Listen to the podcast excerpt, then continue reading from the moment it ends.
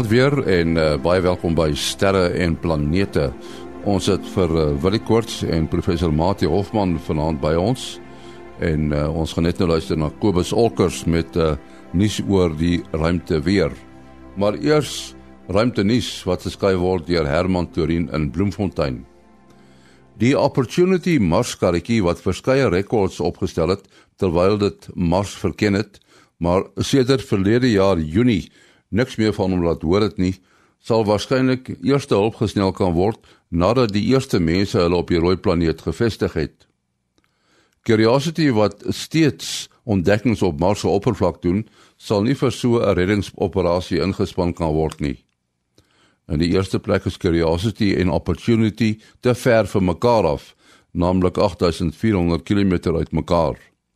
Weens verskeie redes maar veral omdat kommunikasie tussen die aarde en Mars so wat 20 minute duur, is dit baie moeilik om 'n tuig op Mars teen 'n vinnige spoed te laat reis. Opportunity het in die so wat 14 jaar wat dit op Mars rondgery het, bykans 40 km afgelê. Curiosity is in staat om vinniger te ry, maar die afstand by jou stuurdery van die aarde af skep vir Curiosity dieselfde probleme as vir Opportunity. In die 6,5 jaar wat Curiosity op Mars rondgery het, is nog net so wat 20 km afgelê. Dit sal Curiosity dus byna 3000 jaar neem om die afstand na Opportunity te reis. Boonop is Curiosity nie ontwerp om byvoorbeeld die stof van Opportunity se sonkragpanele te verwyder nie. Die vermoede is dat Opportunity se sonkragpanele tydens 'n ewige storm vol stof geraak het en dat dit nie meer son kon kry nie. Met die 50ste herdenking van die eerste man wat op die maan gestap het, net om die draai, is die wêreld se aandag nou grootliks op die VSA se herdenking daarvan en toekomstige maanplanne gefokus. Die oog moet egter op China se maanplanne gefestig wees wat besonder aktief verloop. China is maar die derde land wat tye suksesvol op die maan kon laat land wat maankarretjies insluit. Die Yutu-2 karretjie het reeds 180 meter op die maan afgelê en nou reeds heel wat langer as wat verwag is. Tot sover dan ruimtenis. Ruimtenis word geskryf deur Herman Torin in Bloemfontein. Van Bloemfontein af na Florida in Amerika. Hier is Kobus Olkers met die ruimte weervoorspelling. Eerste plek wat 'n mens nie heeltemal kan miskyk nie is 'n uh, baie baie baie groot 'n uh, massiewe groot aktiewe area. Maar hy is so groot dat hy dat hy baie versprei is en as gevolg van hierdie verspreidheid is daar geen uh spanning en stresse wat magnetiese stresse wat opgewek word op die son nie en dis lyk eintlik maar net mooi. Dit is 'n baie groot area wat uh, noordgerigte area wat omring word deur twee uh ewig groot suidgerigte areas en soos ek sê hierdie hele ding saam is heelwat groter as 100 000 km.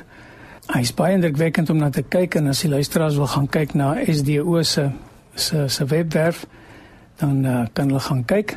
Dit is die Solar Dynamic Observatory webwerf. Ehm um, mens sien hierdie boë van plasma baie mooi en die goed is so groot dat daar windie waar nie eintlik eers plek is vir 'n vir 'n korona gat hierdie week nie. En dan wat filamente aanbetref is daar ook niks dan om om, om uh, aan te meld nie. Uh die twee rande van hierdie aktiewe gebied lyk nogal as 'n mens jou verbeelding gebruik bietjie na twee filamente maar ehm um, dit is maar net 'n klomp plasma wat wat baie mooi baie mooi lyk eintlik. Die ander nuus van die son is dat ons nou baie baie duidelik redelik in in son minimum is. Ons kan dit sien aan die feit dat ons al vir 'n hele paar dae geen uh sonvlekke gesien het nie. En uh dit is dan ons omtrent ons nuus vir die week. Uh geen probleme wat uh kortgolf uh kommunikasie aanbetref nie, geen probleme met GPS of enige van die ander goed word uh word voorspel vir hierdie week nie. Goeienaand almal. Dankie Kobus Olkers. Ja, dit lyk asof die uh, luisteraarsbriewe nou begin instroom en uh, ons gaan ook so een of twee luisteraarsbriewe beantwoord in uh, die program. Uh Mati daar was 'n luisteraarsbrief van uh, ek dink is 'n ene stip wat uh, die getal sterre in die hemelruim vergelyk met die sandkorrels op die aarde. Verduidelik meer? Uh ja, dit is Willem Stip En nou moet ek die vraag stiptelik probeer beantwoord. En soos die luisteraars vra meer word, raak hulle ook nie makliker nie. Nou Willem wou weet. Wat nou die die, die uitsluitsel is oor oor die uh, opmerking wat Carl Sagan daar in die middel 80s op sy beroemde kosmos reeks gemaak het, dat daar meer sterre in die heelal is as wat daar korrels sand op al die strande op aarde is. Nou uh ek weet nou nie of Carl Sagan of hy 'n goeie antwoord in sy kop gehad het hoeveel daar elke is nie en op hy gereken het niemand kan hom verkeerd bewys nie. Uh ek het ek het besluit ek gaan nie probeer tel nie en ek gaan maar uh bietjie gaan raadpleeg wat se moeite ander mense al gedoen het om nou uitsluitsel hieroor te kry. Uh nou dit is eintlik verbasend dat 'n mens daarom naby aan 'n antwoord kan kom deur net sistematies te werk te gaan en die groot probleme en kleiner probleme op te deel. So kom ons begin by die probleem van of die vraag hoeveel sterre is daar dan nou in die heelal? Uh en daarna kan ons nou kyk na die kwessie van maar hoeveel sandkorrels is daar op al die strande op aarde. Ehm uh, tot watter mate is dit enigstens moontlik om daai vraag te beantwoord? Nou in die laaste paar jaar het die Gaia ruimtetuig het baie intensief en in baie hoë resolusie uh vanuit die ruimte binne ons Melkweg metings gemaak van sterre. En in 'n breekdeel van 1% van die Melkweg 'n redelik kan mens sê 'n tipiese 1% van die melkweg het die Gaia tuig 1 biljoen uh liewer 2 biljoen sterre getel. Uh nou dit is 'n groot kom 2000 biljoen sterre en as mens sê daardie 1% blindiging van 'n tipiese uh uh gedeelte in die melkweg en jy maal dit dan met 100 uh om by die 100% uh uit te kom, dan kom ons by 'n antwoord van 200 biljoen sterre uit. Uh nou dis 'n groot getal, maar ons kan dit skryf as 10, uh, 10 tot die mag 22 ongeveer. Waar dit met ander woorde 1 met 22 nulle agterna en net vir 'n gevoel elke 6 nulle is 'n miljoen. So uh 10 tot die mag 18 is 'n miljoen miljoen miljoen en dan moet daar nou nog 100 000 bykom om vir ons die 10 tot die mag 22 te gee.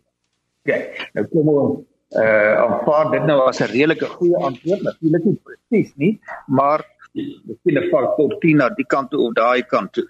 Uh as ons nou na die sandkorrels kyk, is dit 'n baie moeiliker vraag eintlik.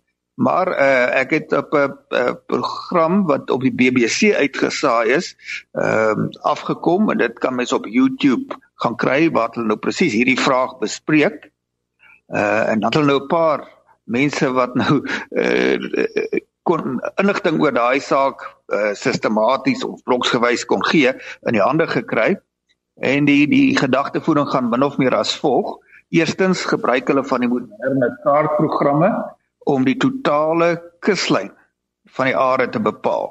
Die totale lengte daarvan, nou dit is so ongeveer as ek reg onthou 3 miljoen kilometer en dan kan jy nou so 'n uh, uh, bietjie 'n uh, uh, studie maak en sê uh, ongeveer 'n tiende daarvan is sandstrande of 'n bepaalde breekdeel dan kom mens uit omtrent so 300 000 kilometer kuslengte waar daar sandstrande is.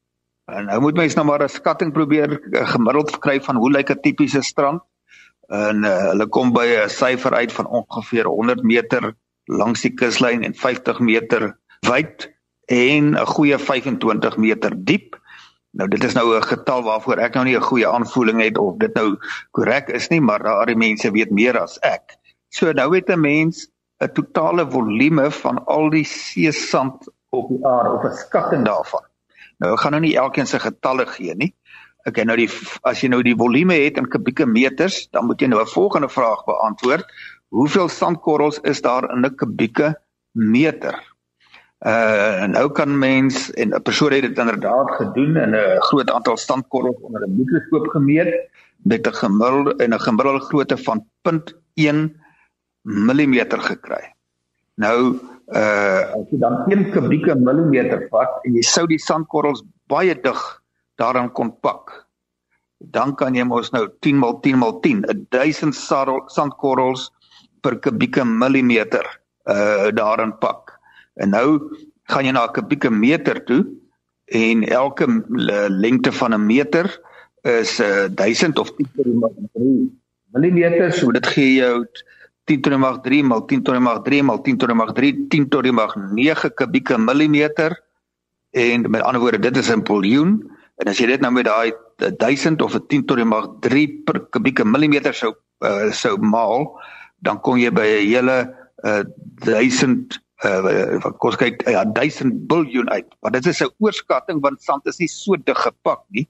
So daai skatting wissel tussen 10 biljoen sandkorrels per kubieke meter tot uh, 100 biljoen. En in elk geval dan kom ons by uh, as jy nou daardie aantal sandkorrels, die skatting wat sê tussen 10 en 100 biljoen per kubieke uh, meter is en jy maal dit met die aantal beraamde kubieke meter sand en al wat ons nou nou na verwys het, dan kom ons by 'n antwoord uit wat wissel van so net onder 10 tot die mag 22 tot so 10 tot die mag 24 sandkorrels op al die strand uh, sand strandsande van die van die wêreld. So mens sien dit is van net kleiner as die totale aantal sterre tot dalk 100 maal groter.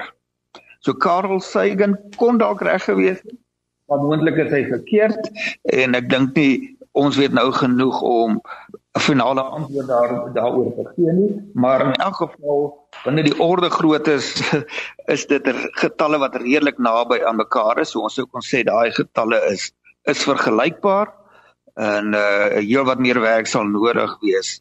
En dit is nou seker ook nie die moeite werd om soveel vrae en so uh, soveel moeite en so redelik arbitreëre vraag uh te spandeer nie, maar dit is in elk geval tog insiggewend oor uh dan het baie groot getalle is in die omgewing van 10 tot die mag 22 tot 10 tot die mag 24 en mens moet mooi oor daai getalle gaan dink om te besef hoe groot dit werklik is. Dis natuurlik die sterre wat ons van weet, nê. Nee?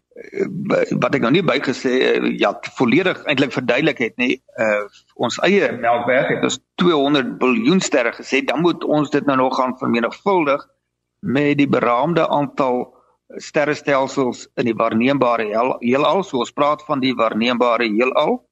En dit blyk uit 'n statistiese studie oor 'n lang tyd dat ons Melkweg is daarom gelukkig baie tipies. So ons kan daardie 200 biljoen as 'n goeie aanduiding van die gemiddelde aantal sterre in sterrestelsels neem. En dan dan sê die die die studies wat met die Hubble ultradiepveld geneem is en heelwat uh galaxy ehm um, uh die Engelse term is surveys, uh, sistematiese waarneming uh, en uh, kartering van die sterrestelsels uh, het hulle 'n goeie idee van watter persentasie van die waarneembare heelal is. Sterrestelsels al getel en die die aantal sterrestelsels wat dan op die manier by uitgekom word in die waarneembare heelal is ongeveer 'n 100 biljoen. Uh onthou die aantal sterre in die Melkweg is dan uh beramings ongeveer 200 biljoen so dit daai twee getalle is ook vergelykbaar en dan moet jy hulle nou met mekaar vermenigvuldig om dan nou by die 10 tot die mag 22 as die mees sinvolle skatting op hierdie stadium te kom. Ja, ek weet ek weet sterrekundiges het het ek al gehoor is sommer so sommer so uit die face uit uh 'n gemiddelde um galaksie het so 10 tot die mag 11 uh, sterre in, so dis 100 000 miljoen en en daar's omtrent 10 tot die mag 11 galaksies geskat. So ja, dan kom ons by dieselfde getal uit. Ja, ongelooflik. Nou iets heel anders, uh, Willie, ek wil dit vir jou vra. Ehm uh, daar het nou onlangs 'n uh, berig verskyn dat daar 'n uh, termiese vakuumtoetsplase vind dit by die James Webb uh, ruimteteleskoop wat nou nog onder konstruksie is. Wat presies is 'n vakuumtoets en hoekom is dit nodig? Soos mense kon onthou, daar was 'n groot verrassingkie geweest jare terug toe die Hubble ruimteteleskoop uh ontplooi is en hulle gesien het maar hy korte bril wel dit eers later uitgevind wat die fout was maar hoe dit ook al sê um met die James Webb uh, wat uit die hart van die saak nie kan gediens word nie. Dit wil sê soos die Hubble waar jy kon ruimtetuig opstuur en goedes gaan regmaak. Die James Webb uh, gaan baie baie ver miljoen meer as 'n miljoen kilometer van die aarde af wees. Uh en uh, daar is geen beplanning om enige dat die teleskoop ooit gaan kan gediens word nie. Um so in die eerste plek moet jy dis seker maak dat alles werk 100%. Uh en dit is eintlik reeds hoekom die teleskoop al 'n hele klompie jaar agter skedule is baie van die goedes dink ek het net baie moeiliker uitgewerk as as wat dit wat dit reg verg om hierdie teleskoop uiteindelik daar te kry.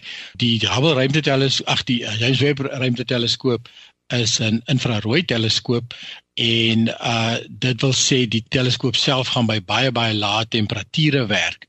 Uh die teleskoop sit natuurlik in die ruimte en die ruimte uh word uh, natuurlik direk aan die son se strale blootgestel. Die teleskoop word aan blootgestel. Die manier hoe hulle dit van vermag is, hulle het 'n massiewe uh um die ding is so groot soos 'n tennisbaan, het, het hulle basiese sambreel. So hy het 'n lekker son sambreel, 'n hele klompie laag daar. Dit is so blink mylar materiaal, baie liggewig materiaal en die teleskoop gaan dan die hele tyd in die skaduwee van hierdie massiewe uh, tennis um veld groot tennisbaan grootte uh, uh sambreel bly. Uh en dan gaan hy natuurlik afkoel tot um tot baie baie koue temperature. So nou het jy natuurlik 'n klomp stelsels wat alsom aan mekaar vasgebou word. Uh die teleskoop uh, word gemonteer, die goeters, die sambreel hang aan die een kant en die spieëls aan die ander kant en die instrumente en jy het 'n klompie temperature wat hierso 'n uh, 'n rol speel. So een van die belangrike goed wat hulle moet weet is hoe gaan al hierdie temperature in die vakuum van die ruimte uh, te mekaar uitspeel as hulle net gelaat word laat hulle in hulle natuurlike uh, posisies gaan bly ensovoorts. So hulle dan die teleskoop of die die, die teleskoop is nog nie heeltemal klaar nie. Uh of heeltemal klaar aan mekaar gesit het ek dit so stel. So hierdie toets het net 'n uh, gedeelte van die substelsels getoets. Dink hulle verwag die meeste interaksie met mekaar sou hê termies en uh toe in 'n in 'n massiewe vakuumtank uh ges, gesit en die die die vakuum is 'n hoë vakuum gepomp. Die teleskoop is toe aan 'n klomp 'n hele reeks van temperature blootgestel. Baie warm temperature wat reg afgegaan het tot baie baie koue. Ons praat hier van van uh, kriotermiese uh, temperature. 'n Hele paar honderd grade onder onder vriespunt. As ek dit as ek dit reg onthou, dis 100 minus 184 tot plus 102 grade Celsius.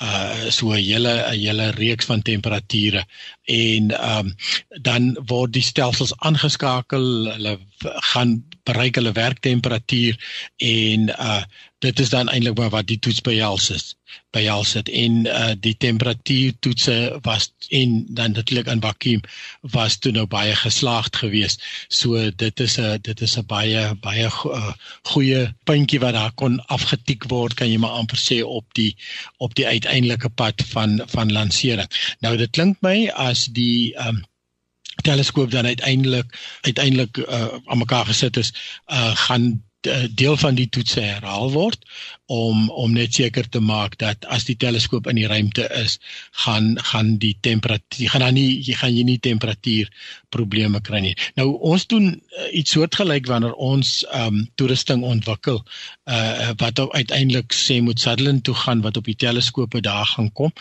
want dit is nogal een van ons grootste goed wat ons in die hakskeen byt is is termiese probleme.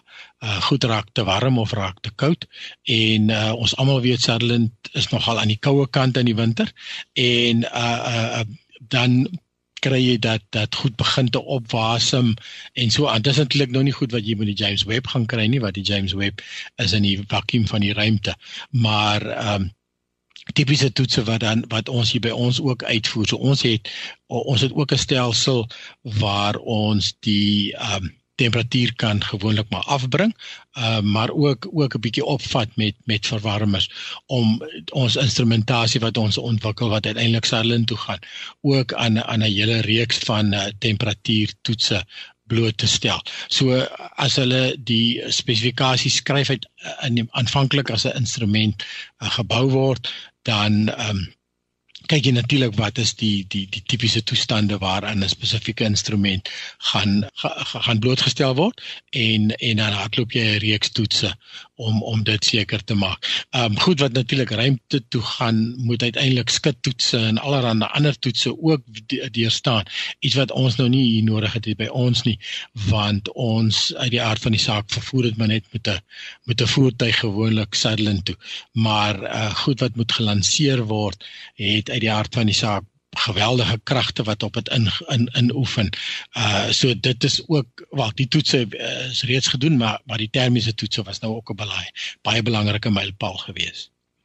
Ja, Mati, uh, ons het 'n brief gekry van Rolof van der Merwe en dit is nou eintlik op jou gebied, die fisika. Hy sê uh, verduidelik asseblief wat se fisika laat die aarde en die maan se omwenteling so gelyktydig plaasvind dat ons van die aarde af slegs een kant van die maan sien uh, en dat die donker kant van die maan aan die ander kant is.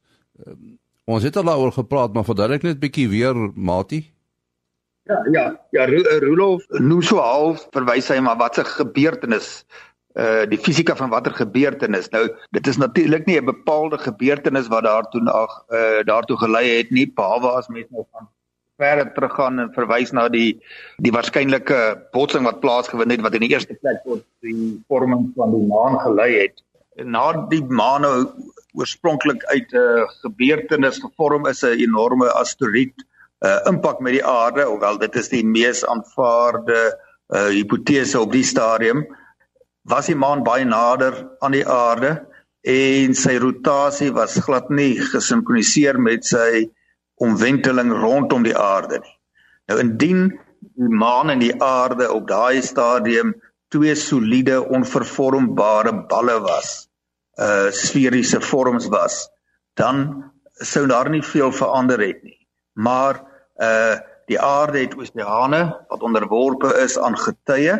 So uh op enige gegeewe oomblik afhangende van waar die uh die hoogwater is uh en waar die laagwater is, wyk die aarde se vorm effens van 'n perfekte sfeer af en hy is natuurlik behalwe van die getye ehm uh, in sy rotasie effens afgeplat by die pole. Uh en die maan self uh, is ook nie heeltemal onvervormbaar. Die die, die maan het getye en sy oppervlak het ook uh uh, uh ons kan nou nie praat van hoogwater en laagwater nie, maar hy uh, dit be, beweeg uh deur as gevolg van die aarde en die son se gravitasie analoog aan hoogwater en laagwater met 'n paar sentimeters uh per dag. Nou as mens dit uh in ag neem daardie afwyking van perfek sferiese vorm, uh dan kry 'n mens weens die gravitasiekrag tussen die aarde en die maan kry mense 'n klein uh koppel of uh die Engelse term is 'n torque dit is 'n uh, eh, wel kom ons praat nou maar van rolweg van 'n 'n 'n 'n rotasiekrag, 'n krag wat rotasie kan verander. Dit is natuurlik klein omdat die afwykings van sferiese vorms, daai veranderende vorm uh klein is persentasie gewys, maar gegee lank genoeg tyd het dit uh uh eerstens rotasie energie van die maan om die aarde uh weggeneem sodat die maan geleidelik weg begin beweeg het Ek dink die syfer is enkele sentimeters per jaar en die maan ehm uh, het 'n uh, uh, kragmoment gehad wat sy rotasie teengewerk het en hy het geleidelik stadiger geroteer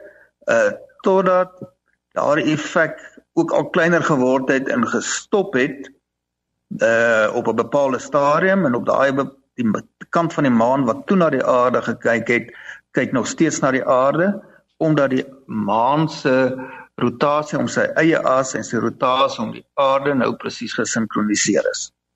Ons moet afsluit. Uh, jou besonderhede, Willie? Mense kan uh, bel SMS of WhatsApp 072 4579208. 072 4579208. En dan Mati? Selfoonnommer 083 625